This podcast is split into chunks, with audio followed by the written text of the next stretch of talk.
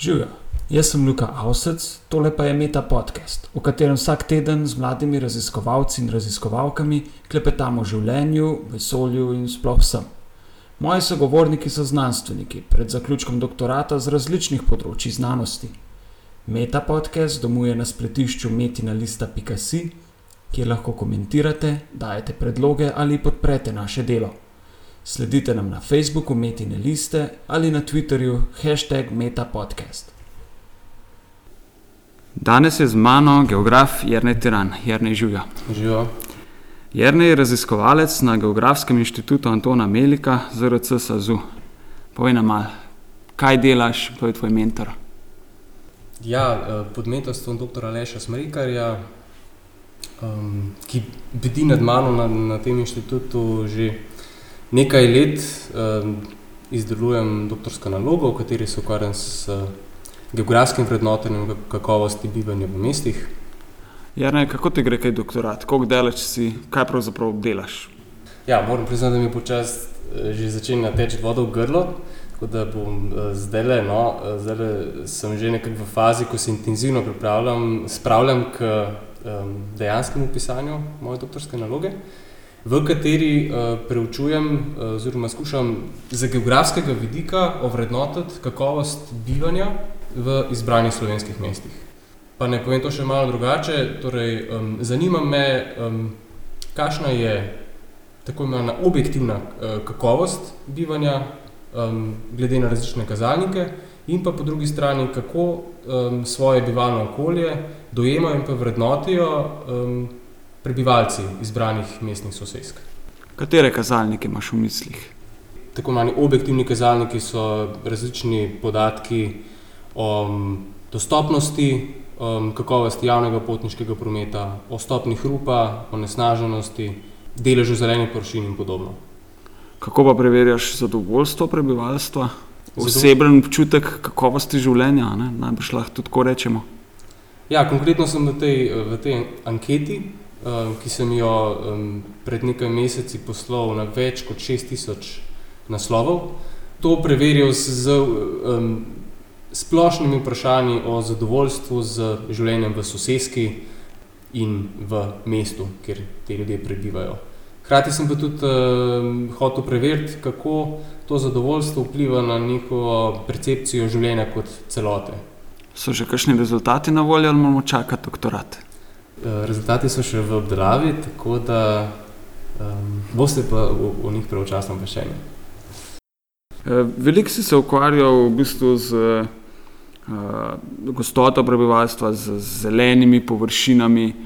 Kako nam kaže, kaj tle, ja, to delamo kaj na tem? Recimo, Ljubljana bo zdaj postala uh, zelena prestolnica leta 2016. Ne? Kaj to pomeni? Da jim gre dobro, Ja, Ljubljana se zelo rada ponaša s tem nazivom in sigurno ne gre uporekati dejstvu, da, da gre za zeleno mesto, da je prepredena zelenje, da se zeleni klini vanjo zajedajo skoraj z, z vseh smeri. Zdaj, po drugi strani pa se včasih vprašamo, ali si Ljubljana ta naziv zasluži, glede na njen uh, odnos do urejene prometa, um, zlasti imamo v mislih napovedano, napovedano širjenje nekaterih mestnih upadnic, kot je recimo Dunajska. Ampak na celovški cesti so recimo pred kratkim zaprli en pas ne, za, za avtomobile, pa zaprl se je v centru, center mesta, pa slovenska. To so dobri koraki. Ne? Ja, se ravno za to gre. Ne. Tako da um, se čudim, zakaj um, Ljubljana nekako uh, bolj odločno ne, ne, ne nadaljuje s uh, to potjo, ki si jo je zastavila in Ne, pojavlja se neke težnje po korakih, eh, povsem v drugo smer, kar vsekakor eh, ni v skladu z um, nazivom, s katerim se Ljubljana tako rada ponaša. Ko govoriš, da imamo te zelene kline, pa pot obžici, ne, kot jo imenujemo okoli Ljubljane, pa tako naprej, eh, praviš, da gre bolj za pač splošne posledice geografije, kot pa pametnega upravljanja z mestom. Si to hotel reči? No, tudi um, različni urbanisti, prostorski načrtovalci so že v 60-ih letih v prostorskih načrtih poskrbeli, da se te zeleni kliniki, ki so že takrat prepoznali kot eno ključnih, ključno identiteto mesta, da se ohranijo. Um, tako da vsekakor so bile, bil del, si lahko politika oziroma stroka tudi lasti določene zasluge za to, da je stanje je takošno, kot je. Okay, ko govoriva o gostoti prebivalstva v mestih, ne, zdaj se mi je to na začetku trivialen problem. Mal me je presenetil, da, si, da se da napisati članek na to temo. Zmeraj se mi zdelo, da pač število ljudi deliš s površino, na kateri te ljudje bivajo in to je to. Ne, gre za kompleksnejši problem. Ja, izkazalo se je no, tudi v, v, v moji analizi, da je gostota precej kompleksna količina um, in zahteva še posebej veliko pozornost, sploh takrat, uh, ko jo um, skušamo vrednotiti v različne namene. Um, predvsem je ključno, um, ključno vprašanje, koliko, kako veliko površino bomo um, vzeli um, takrat, ko bomo pač računali gostoto. Ne? Se pravi, kaj v mestih to pomeni? Ali to vzamemo površino cele mestne občine, ali samo tam, kjer so dejansko stolpnice, pa ne tudi tam, kjer so igrišča? Kaj misliš s tem? Ja, tako tukaj so ključne te razlike med eh, neto gostoto, ki je nekako. Um, pri kateri se dejansko računa samo po, poseljena površina, in pa bruto gostota, ki uh, vključuje pa tudi neposeljene predele. In prav te razlike med uh, površino neposeljenih predelov ne, so lahko, lahko Eh, problematična ne, pri uporabi eh, bruto gostote v različne ne, namene. To si ti dobro eh, predstavil v enem svojih člankov, v katerem tako fino tabelarično prikažeš, kaj taki različni razračuni gostote pomenijo za različna slovenska mesta. Pa če recimo sam navedeva Ljubljano, Ljubljana ima bruto gostoto prebivalstva 17 prebivalcev na kvadratni kilometr, Zdaj, če pa to na različne načine neto preračunamo ali pa celo obtežimo eh, po eni od teh metod, je pa lahko prebivalcev do 190 na kvadraten kilometr. Tako in to Ljubljana v bistvu vršča med eh, najgosteje poseljena mesta. Um, če vemo, da približno polovica ljudi uh, živi v večstanovanjskih hišah in pa blok, blokih in pa stopnicah, v bistvu je ta rezultat do neke mere tudi pričakovan. Kako si pravzaprav izbral, katere ljudi šteješ? Ljubljana kot tako študentsko mesto, polno je delavcev, ki prihajajo na delo, ki imajo tukaj začasne naslove. Kdo je, kdo je pravzaprav prebivalec? Ja, uh, vem, na kaj ciljaš. Uh, če bi želeli gostoto, um, gostoto bi bilo v bistvu v, v izračune bilo treba upoštevati tudi tiste, ki v Ljubljani prebivajo samo začasno ali so to. Um, ali pa mogoče turiste, obiskovalce, šele potem bi v bistvu dobili uh, pravo vrednost, oziroma pravo gostoto, v kateri živijo, oziroma jo doživljajo prebivalci eh, Ljubljane. Ne? ne na zadnje je to tebe zanimalo, ne? številka je sam številka, ampak vprašanje je, kako sami prebivalci doživljajo gostoto. Ja, na to vprašanje pa um, moja raziskava žal ni podala uh, odgovora. Um, je, pa, je pa predvsem um, Predvsem pa ta raziskava služila kot neko priporočilo oziroma opozorilo, da je, biti, da, da je treba biti pri uporabi te eh, vrednosti oziroma gostote eh, zelo previden.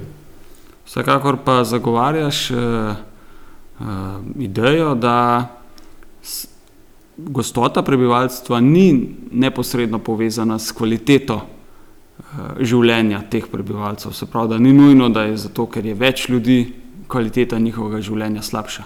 Ne, ravno nasprotno. Um, korelacije uh, ka, kažejo, da, da um, mesta, ki se ponašajo z večjo kakovostjo bivanja, da, da so prej bolj gosto poseljena kot pa obratno.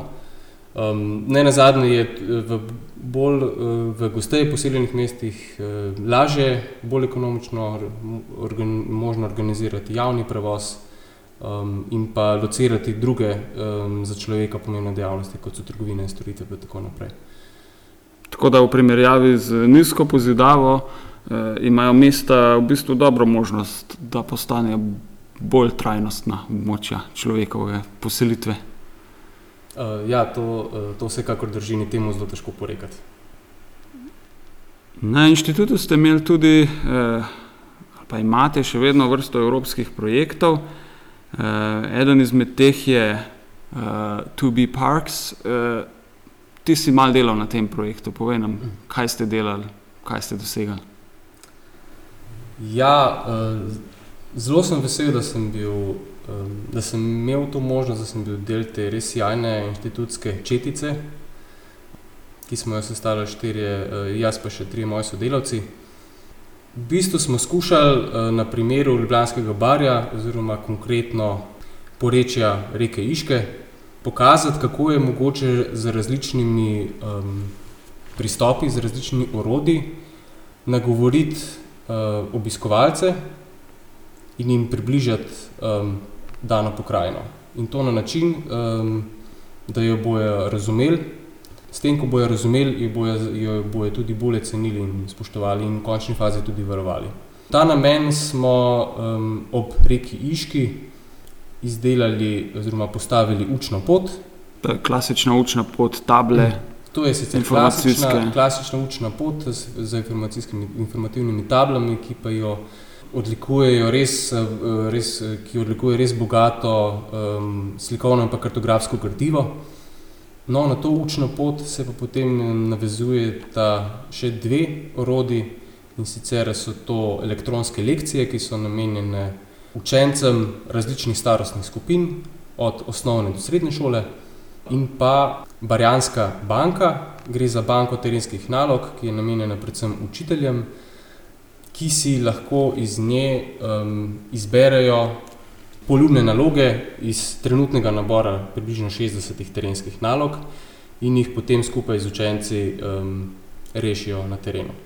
To je dostopno, brezplačno na spletu?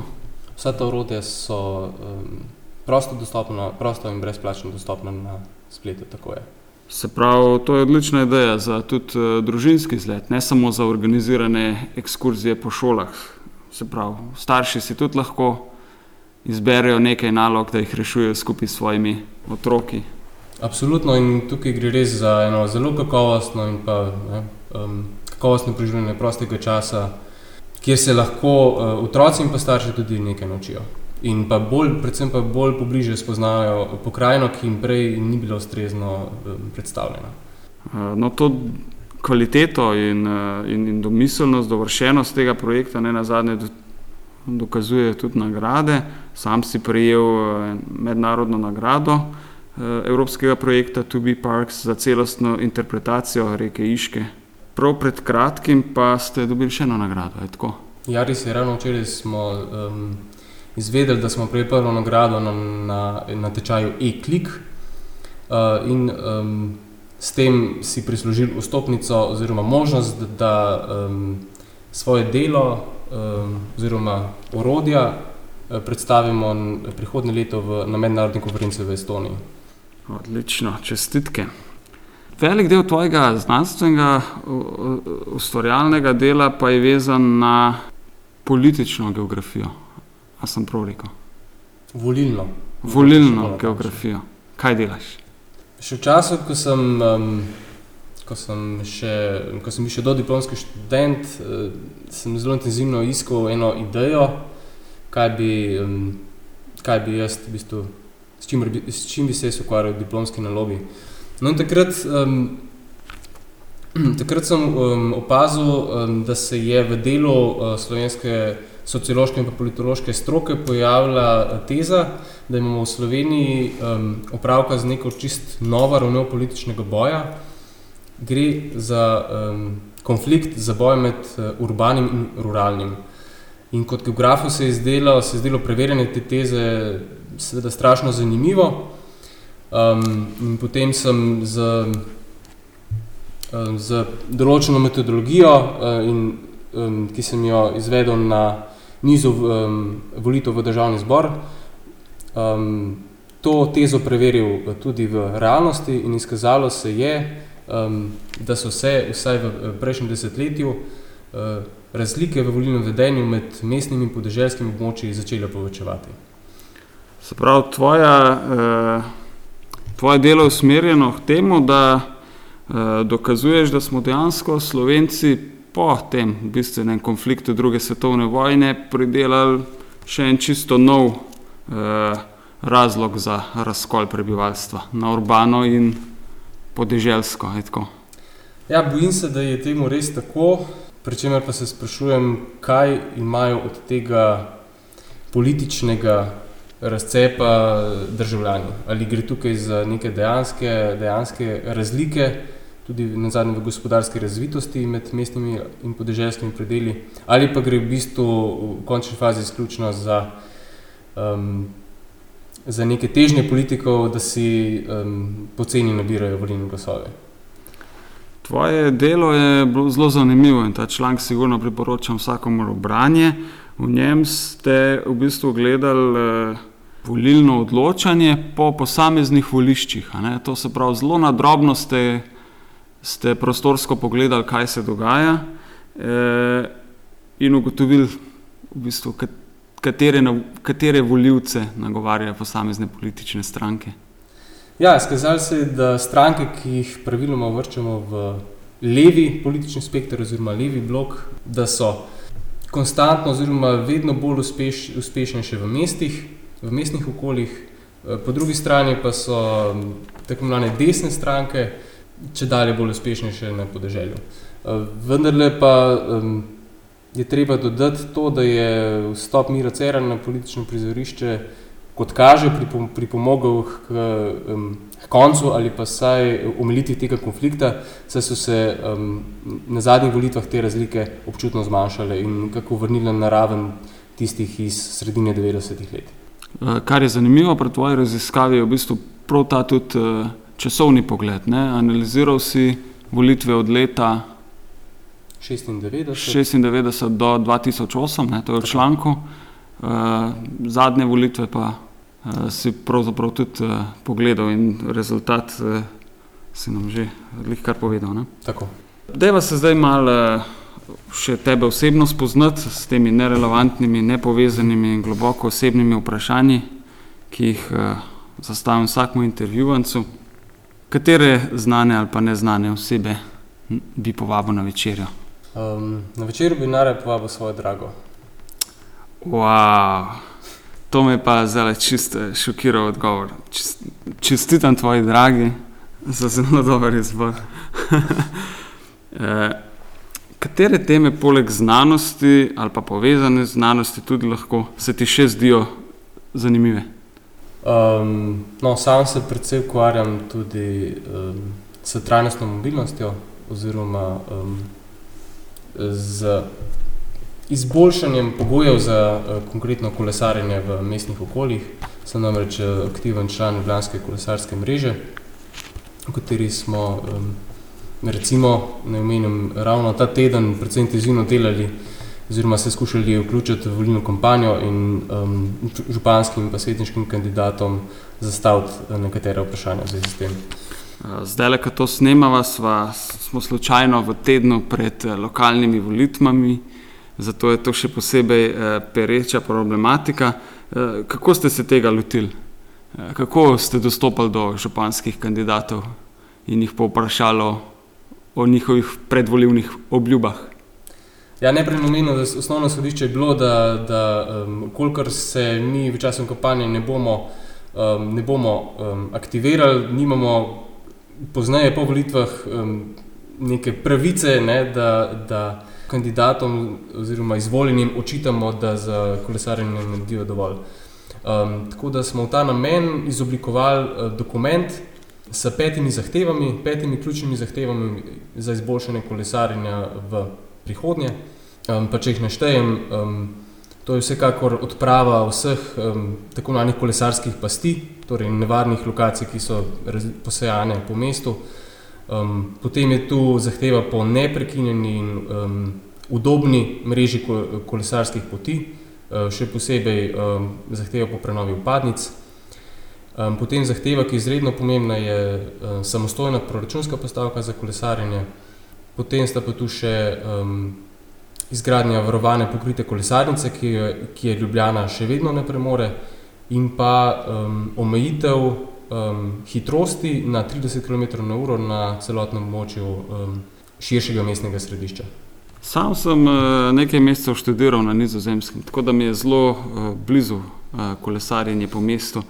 Ampak tam se zdi, da je vse nekako prilagojeno in podrejeno pač prevozu prebivalstva s kolesi na delo, v mesto in tako dalje. Ne. Ne vem, stavbe imajo odsejevalnike za držne plašče, eh, posod so mesta za eh, parkiranje koles. Koliko sprememb eh, bi bilo treba tle narediti, da bi kolesarstvo lahko postalo eno čist splošno, sprejemljivo prevozno sredstvo? Ja, dejstvo je, da te stvari tudi rabijo svoj čas. Po drugi strani pa, imam, pa imamo eh, zlasti v skandinavskih in zahodnoevropskih državah že toliko dobrih rešitev, ki jih bi bilo treba samo z malo dobre volje preprosto implementirati um, v Ljubljani. Če bi podedoval 15 hektarov zemlje, kaj bi znal? Mislim, da bi bila ta, ta zemlja v veliko breme, kot da bi jo narej prodal. Ti si meščan. Jaz sem res, je, ja. uh, to pomeni, da že, da že od rojstva živim v Ljubljani. Kar pomeni? Hočeš reči, da nimamo pravih mest v Sloveniji? Uh, no, vendar Ljubljana je nekako um, po, po večini meril, vendar le sodi med mesta. Je pa kljub vsemu v svetovnem merilu majhno ali pa mogoče naj, najboljšem primeru srednje veliko mesto. Tako da priznam, osebno bi si želel, da bi imeli mogoče več, uh, več mest. Ti je lažje izbrati najljubše živo bitje, umetniško delo ali glasbeni komat? Uh, no, moram priznati, pa si tega ne štejem veliko čast, da, da nisem ravno velik pristaš leposlovja. In glede na to, da prihajam iz glasbene družine, bi, bi, bi, bi bilo mnogo lažje se odločiti za skladbo. Igraš kaj, poješ? Uh, igral sem klavir, um, V zadnjem času sem se pa tudi ukvarjal s, s petjem, z zborovskim in pa solo petjem. Ampak um, moram priznati, da sem to zdaj um, dal malo na stran, ker vendarle um, se moram počasi. Uh, Že res začeti ukvarjati z doktoratom. Tako je. Ja. Kjer komat bi to bil pa? Glede, izbira precej, um, precej pestra. Ta trenutek mi pade na pamet uh, Blue Rhapsody od Georgea Gershona. Recimo. Kaj boš delal čez pet let, pa kaj čez 40 let? Uh, upam, da bom delal v bistvu isto, no? kot uh, to, kar delam zdaj. To pomeni, da bom raziskovalec. Pa, uh, upam, da bom, da bom uh, dejaven še ne samo po 40, ampak tudi po 50 ali pa 60 letih. Nam lahko priporočiš kakšno dobro knjigo ali pa film ali pa računalniško igro iz zadnjega obdobja? Uh, za knjige sem nekako se že zjasnil. Uh, glede, um, sem se nekaj na par dobrih filmov pogledal v zadnjem času, recimo Železno Lady, Margaret Thatcher. Um, pa kakšna spletna stran, ki nam je lahko priporočiš? Hm. Um, recimo servis pobude meščanov, kjer lahko prebivalci um, dajo različne pobude uh, in predlagajo mestnim oblastem. Še če za konec. Uh, vidim te masi utrujen, petek popovdne je, eh, nisi spal kaj dosti ta teden. Si želiš več prostega časa, kaj bi z njim? Kdo si pa ne želi več prostega časa? Um, problem je samo v tem, uh, potem bi se pojavila dilema, ali ga preživeti družbeno koristno, ali pa mogoče malo bolj za sebe. To je dilema? To je več kot dilema, se pa doskrat izkaže, um, da se splača tudi. Uh, včasih del prostega časa žrtvovati za stvari, od katerih um, ne, ki, ki imajo potem neke dejanske rezultate in od katerih ima, ima družba neke koristi. In to recimo prizadevanje za izboljšanje pogojev za kolesarjenje vsekakor je. Ko se recimo peleš s kolesom skozi mesto, pravzaprav delaš oboje. Uživaš v vožnji in ozaveščaš ljudi. Ja, lahko bi, lahko bi se tako dejalo. Ja. Jrnej, hvala za pogovor. Hvala. Poslušali ste Meta podcast. Pohvale, pripombe in predloge za bodoče goste nam lahko posredujete tudi po e-mailu na znanostafnametina.si, sicer pa nas poiščite na Facebooku Metine liste in na Twitterju, kjer mene najdete kot @inlife, čivki v podkastu pa ima hashtag metapodcast. Vse oddaje s povezavami na domače branje so doma na spletnem portalu metina.si, kjer lahko ta projekt tudi finančno podprete. Hvala in naslišanje prihodnjič.